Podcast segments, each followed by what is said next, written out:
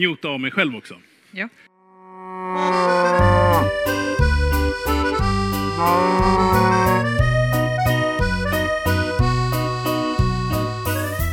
Den som på något sätt följer den här podden som eh, prenumerant på Spotify eller någon podcastingplattform eller på Facebook eller på Instagram. Ja, Eh, den kan knappast ha undgått att jag eh, var på Ostfestivalen den 14 till 16 februari. Och att jag där körde en hel massa livepoddar med intressanta gäster. Varje sån här session sändes direkt på Ostpoddens Facebook-sida. Och de ligger kvar där, så att vill du ha både ljud och bild kan du surfa in där och kolla. Vill du ha bara ljudet när du är ute och promenerar eller åker bil till jobbet eller vad det kan vara. Så kommer jag under de närmaste veckorna att lägga ut varje sån här session som ett vanligt så att säga poddavsnitt.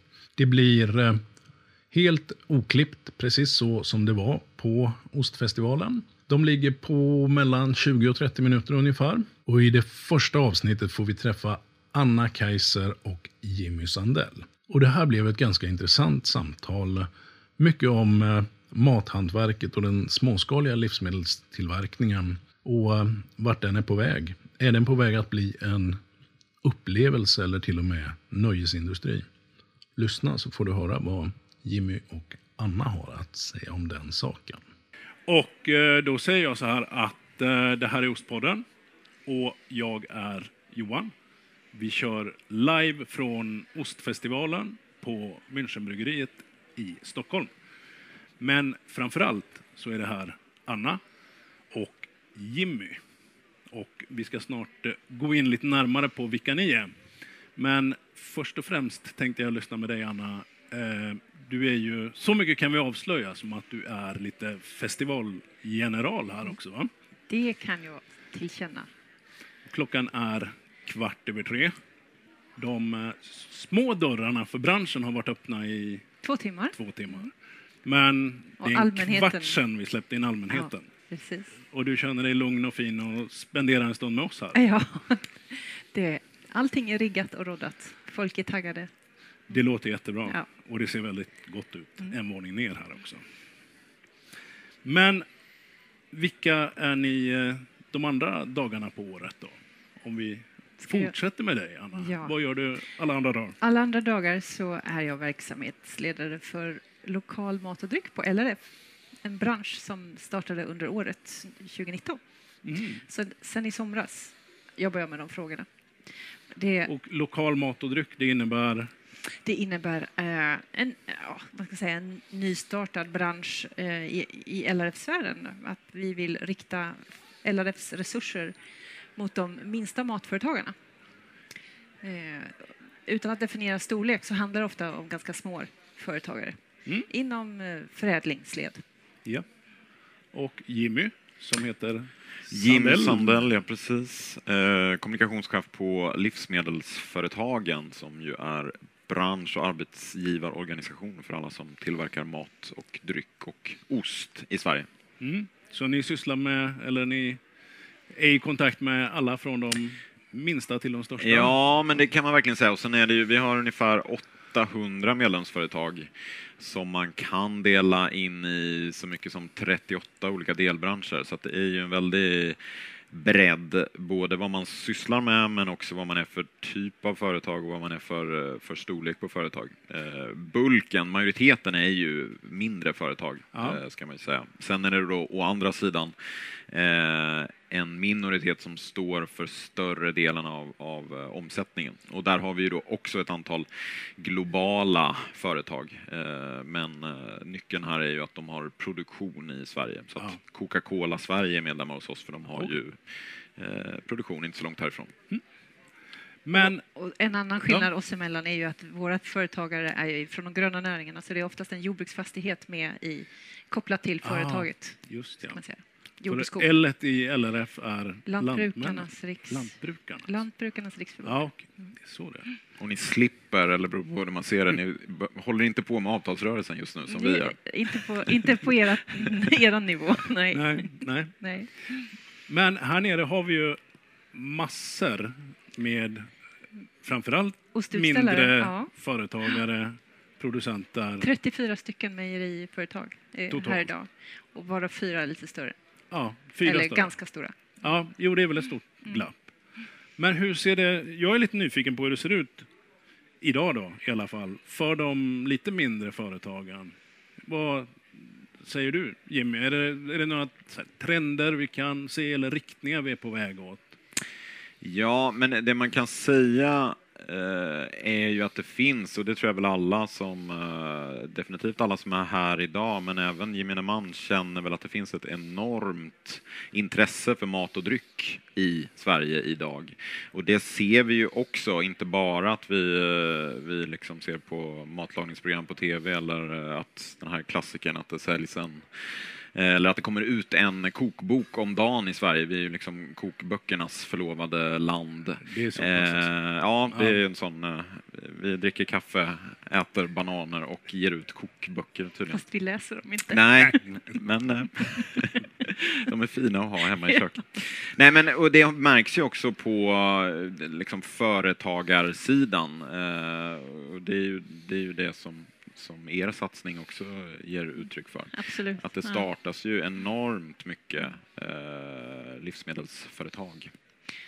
Ja, det, det är det- alltså, enormt, tycker jag är ett starkt ord, men det, det rör sig. Alltså, det finns potential och, och företagen som startar nu är lite annorlunda än för 10-15 år sedan.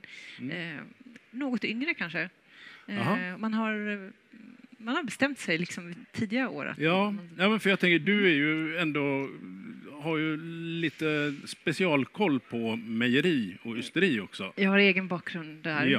Och som- vad, vad, vad säger det, man, ser man samma saker ungefär? Eh, om vi zoomar in lite på... Jag kan säga att det, mejeristerna. finns fler exempel nu på, på nya konstellationer där man eh, för 20 år sedan kanske man gick in då, då hade man, man hade jordbruket, man hade djurproduktionen och man hade förädlingen och försäljningen i, ett och, i en och samma verksamhet. Mm. Eh, fler väljer andra vägar idag, att starta tillsammans eller att man, man startar i samarbete, råvaruproduktion och förädlingsled med någon annan part.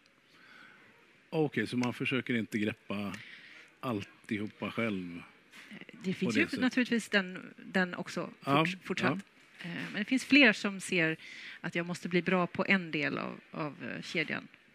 Eller inte hela kedjan Mm. Nej. i alla fall. För, det, det är en grannlaga uppgift att, att liksom belåna en fastighet, bygga eh, alla anläggningar som behövs till både djurproduktion och mejeri. Eh, Så Ja. kan man fokusera på en så är det Ja. ju mycket Mm. vunnet.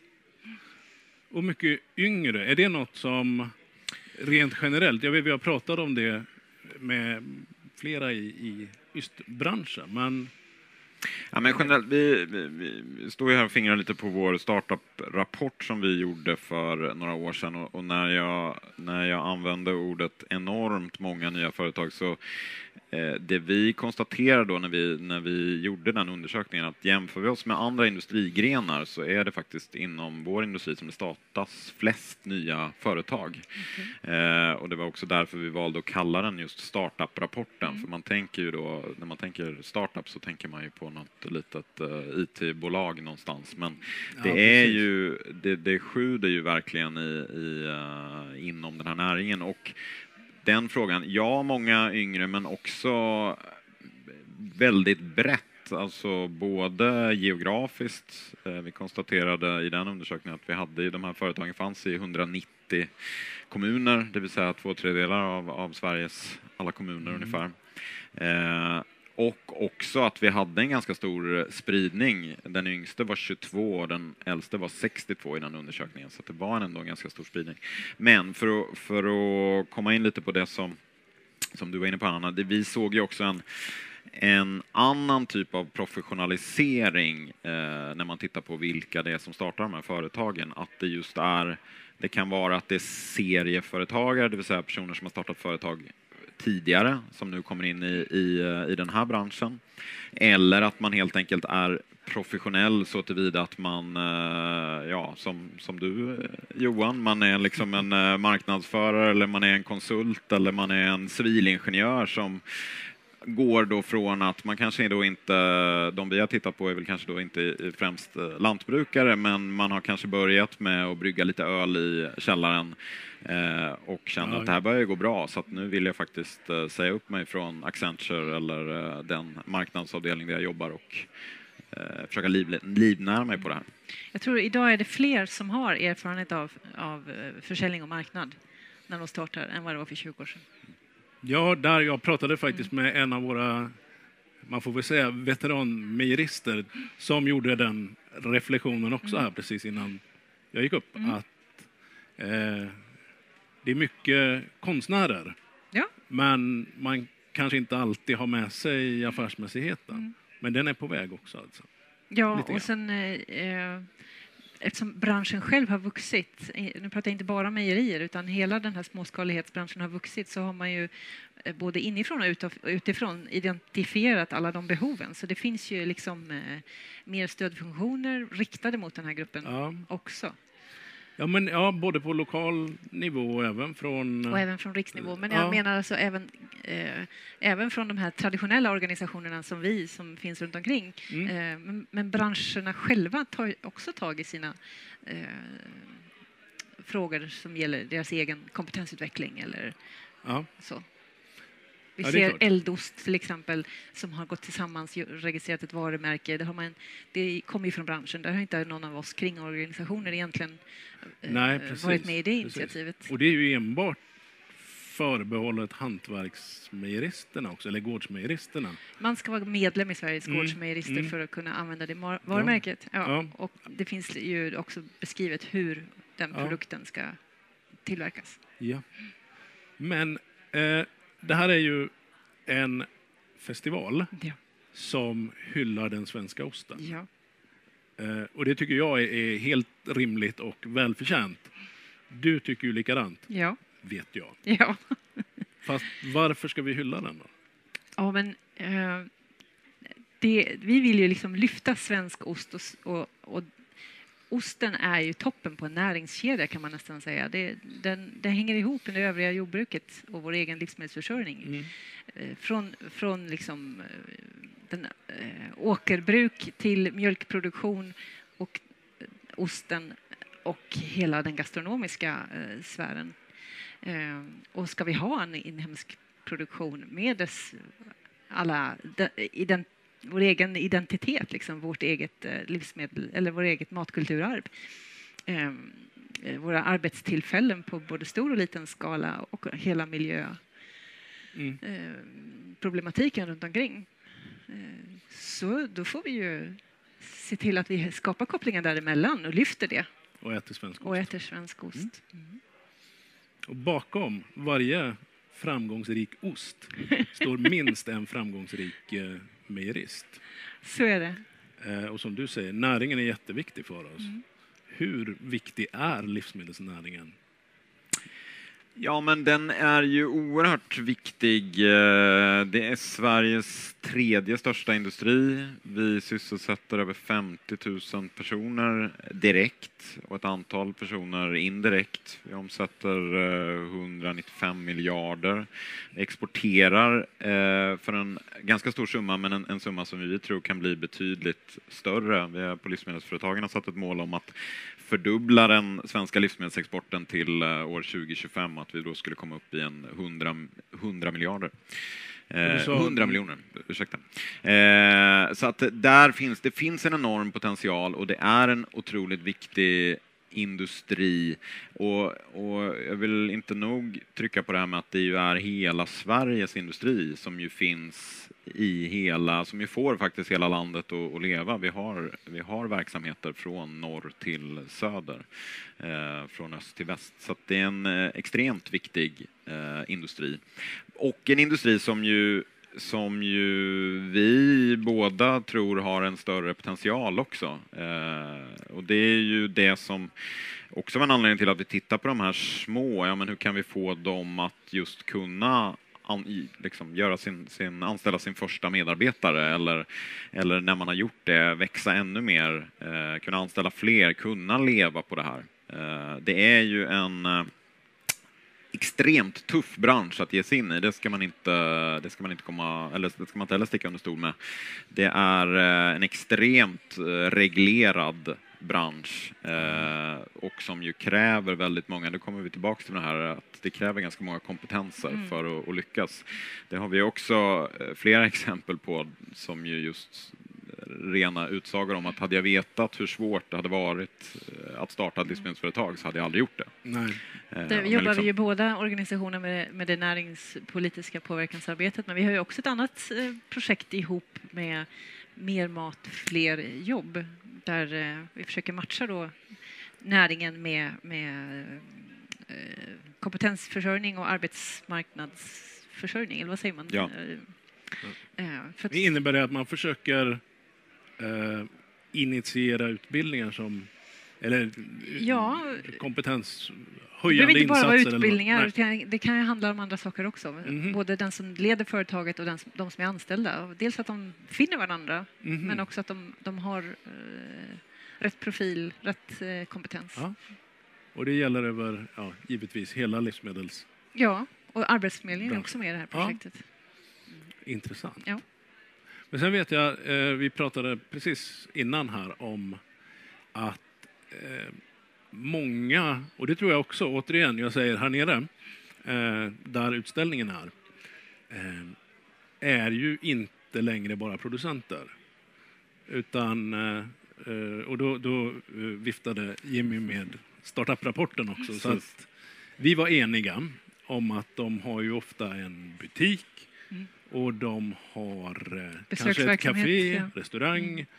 Eh, är det ett mejeri som har som kör omkring med vagnar ute Ja. i, bland sina får också?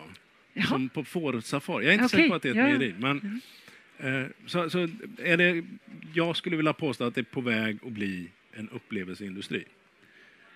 Men Är de inslagen, ja, kanske inte på väg att inte transformeras till, men absolut, många, många söker ju ett vidgat, vidgat eh, perspektiv på sina affärskanaler. Mm.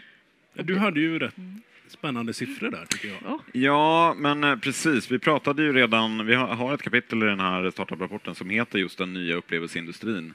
Och i den här undersökningen som vi gjorde så var det ju alltså så många som fyra av fem av de här företagen som erbjöd någonting annat utöver den produkt som de, eh, som de jobbar med. Och det är, det är ju precis de här sakerna som, som, eh, som du har varit inne på med provsmakningar och samarbete med restauranger eller kaféer, guidade turer i fabriker eller på gården eller att man har kursverksamhet eller att man har restaurang i egen regi, café eller barer. Merchandise, att man har t-shirtar och andra liksom produkter. Eh, och mycket då liksom också det här prova på, eh, att man ju har kurser och kan få, få komma in i, i verksamheten. Så att, eh, det ser vi verkligen. Och där är det ju en, ja, men en branschglidning eh, i vad man, vad man sysslar med och vad man, vad man har för verksamhet. Eh, och, och mycket då fokus på, på upplevelsen. Mm. Jag bara tänker, du nämnde att det är, eller var det du Jimmy? Ja. Vi, vi, vi nämnde i alla fall att eh, eh, branschen föryngras lite grann. Kanske framförallt den här lite mer småskaliga. Eh, och kan det ha med det att göra också, att man vill, man vill inte bara producera så att säga? Utan man vill Någonstans vara det- lite överallt. Ja. Eller är det så att man vill eh, man, man känner att det här måste vi göra för att få runt det. jag tror det är båda delarna. Det är dels ett förverkligande och det är Mm. dels en, en insikt om att man måste stå på flera ben. Mm.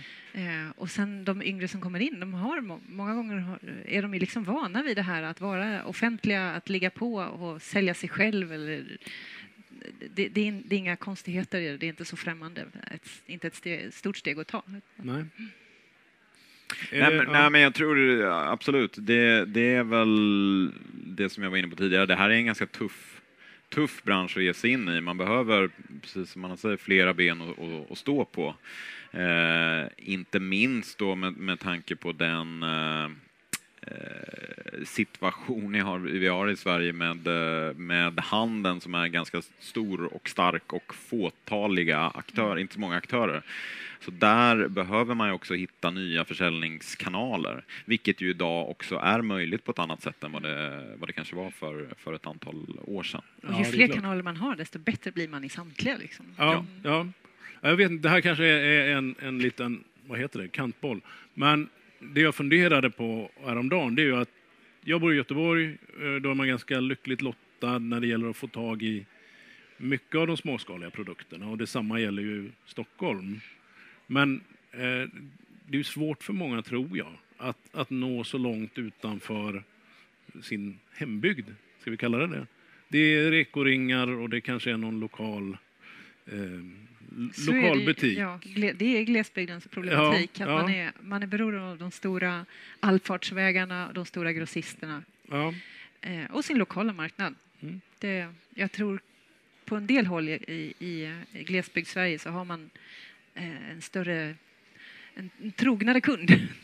ja så är det ju Men de är för få. säkert. Ja. Men, Och det, det- tror ja. jag ju man, för det såg vi också här att det lokala är ju super, superviktiga, eller superviktigt, men att man ju också, många av de här eh, blickar ju utanför Sveriges gränser redan liksom i starten.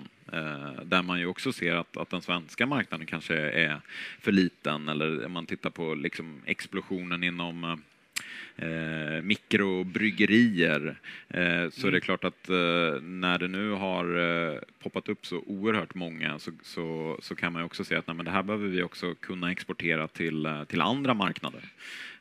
Och många av dem där inom, ja men inte bara om vi nu pratar ost, men också många av de här andra som har varit framgångsrika, är ju inte från, från storstadsregionerna utan det finns ju då, om man, om man stannar vid eh, på, på dryck så har vi ju Härnö gin från Härnösand eller eh, Brännlands iscider från eh, Umeå eller Bräckeriet från Landskrona Ja, som ju nu serveras på restauranger i London och Paris. Och, Mm. Så att jag tror, men, men som ju är, och att det inte är någon motsättning däremellan, att de, de tre exemplen, alla de är ju extremt rotade i det lokala.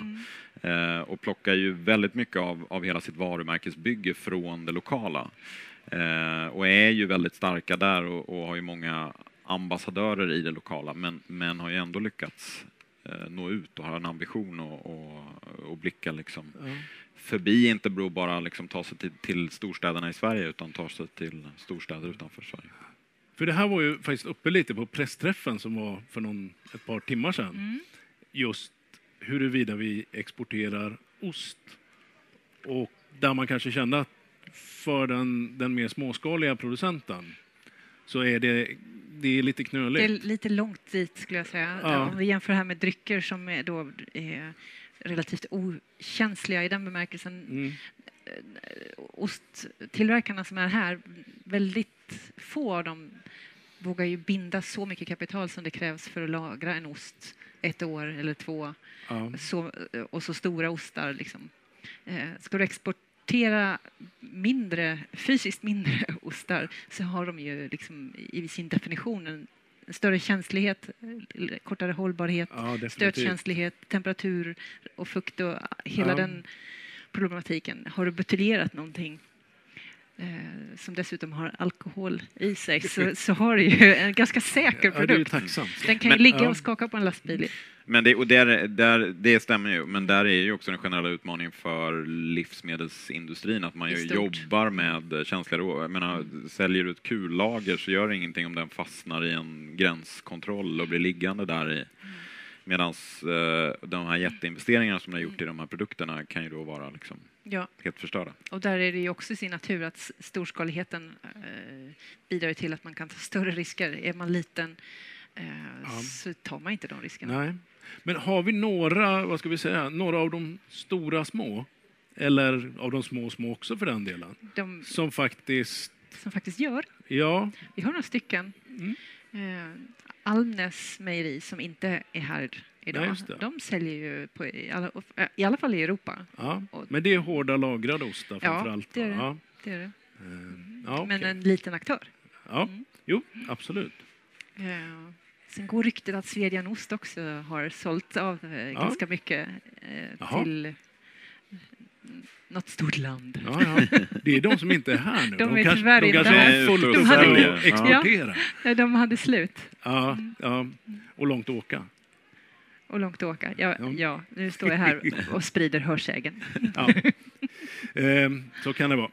Jag tror vi ska ta och börja runda av. Vad, eh, vad har jag glömt? Har ni några kloka slutord att skicka med? Ja, några kloka slutord angående de här, den här branschen, eller mässan. Vad som helst. Ja. Skjut från höften. Ja, Det är överväldigande att se att det är så många som är intresserade. Det är, kön här utanför ringlar sig upp till Hornsgatan. Är det sant? är jättemycket folk på väg in. Mm. Okej. Ja. Och Jimmy? Ja, men det är väl eh, det är väl det här, det är fantastiska möjligheter som, som vi har. Eh, sen, sen som sagt ska vi inte blunda för att det finns ett antal utmaningar och att, eh, att det är en svår och tuff bransch att ge sig in i. Men, men om vi hjälper till och om vi också, det som vi inte har pratat om här är ju att vi skulle behöva få in mer kapital i den här Ja. eh, branschen. Eh, och samma sak där, det gäller lite samma som, som eh, det vi diskuterade kring export. Att det här är ju någonting som kanske tar lite längre tid. Det är inte en, eh, en app som man liksom kan skjuta iväg och, och testa utan det, det här är någonting som kräver oftast investeringar över, över lång tid. Men eh, jag tror vi alla här är överens om att det, svensk mat och dryck har enorm potential. Absolut. Det är vi definitivt över, eller jag håller i alla fall med. Ja. En sista. Du är ju väl bekant, du har ju hållit på med den här festivalen sedan jag vet inte hur länge. Jag har varit på här. andra sidan tidigare. Ja, det också. Mm. Men just dagen, eller det som händer Ja. nu. Ja. Vad, vad ska man inte missa? Eh, En sak. Man ska, man ska inte missa ost och dryckesprovningarna. Mm. Det finns fortfarande några biljetter kvar. Jag hörde att eh, Mm. de, de är börjar populära. tryta. Ja, Ja. De börjar tryta. Och Jimmy, du har knappt hunnit runt ett varv. Nej, jag tar väl upp den, eh, alltså det är det jag inte vill missa. Ja. Ost och Ja, dryckesprovningen. men precis. Vad bra. Mm. Då eh, säger jag som jag brukar att eh, det här har varit Ostpodden och ni har varit tappra. Tack så mycket. Tack så mycket. Tack. Tack. Anna Kaiser och Jimmy Sandell alltså. Hoppas du har haft en trevlig stund. Om en vecka ungefär kommer nästa avsnitt av Ostpodden live från Ostfestivalen. Då träffar vi Alex från Arla Unica och får veta allt om Arlas F1-team när det gäller ost. Och eh, eftersom allt annat redan är sagt så kan jag väl bara avsluta med att säga Tipsa gärna någon annan ostfantast om Ostpodden. Och följ gärna Ostpodden på Instagram och Facebook. Tack för att du har lyssnat.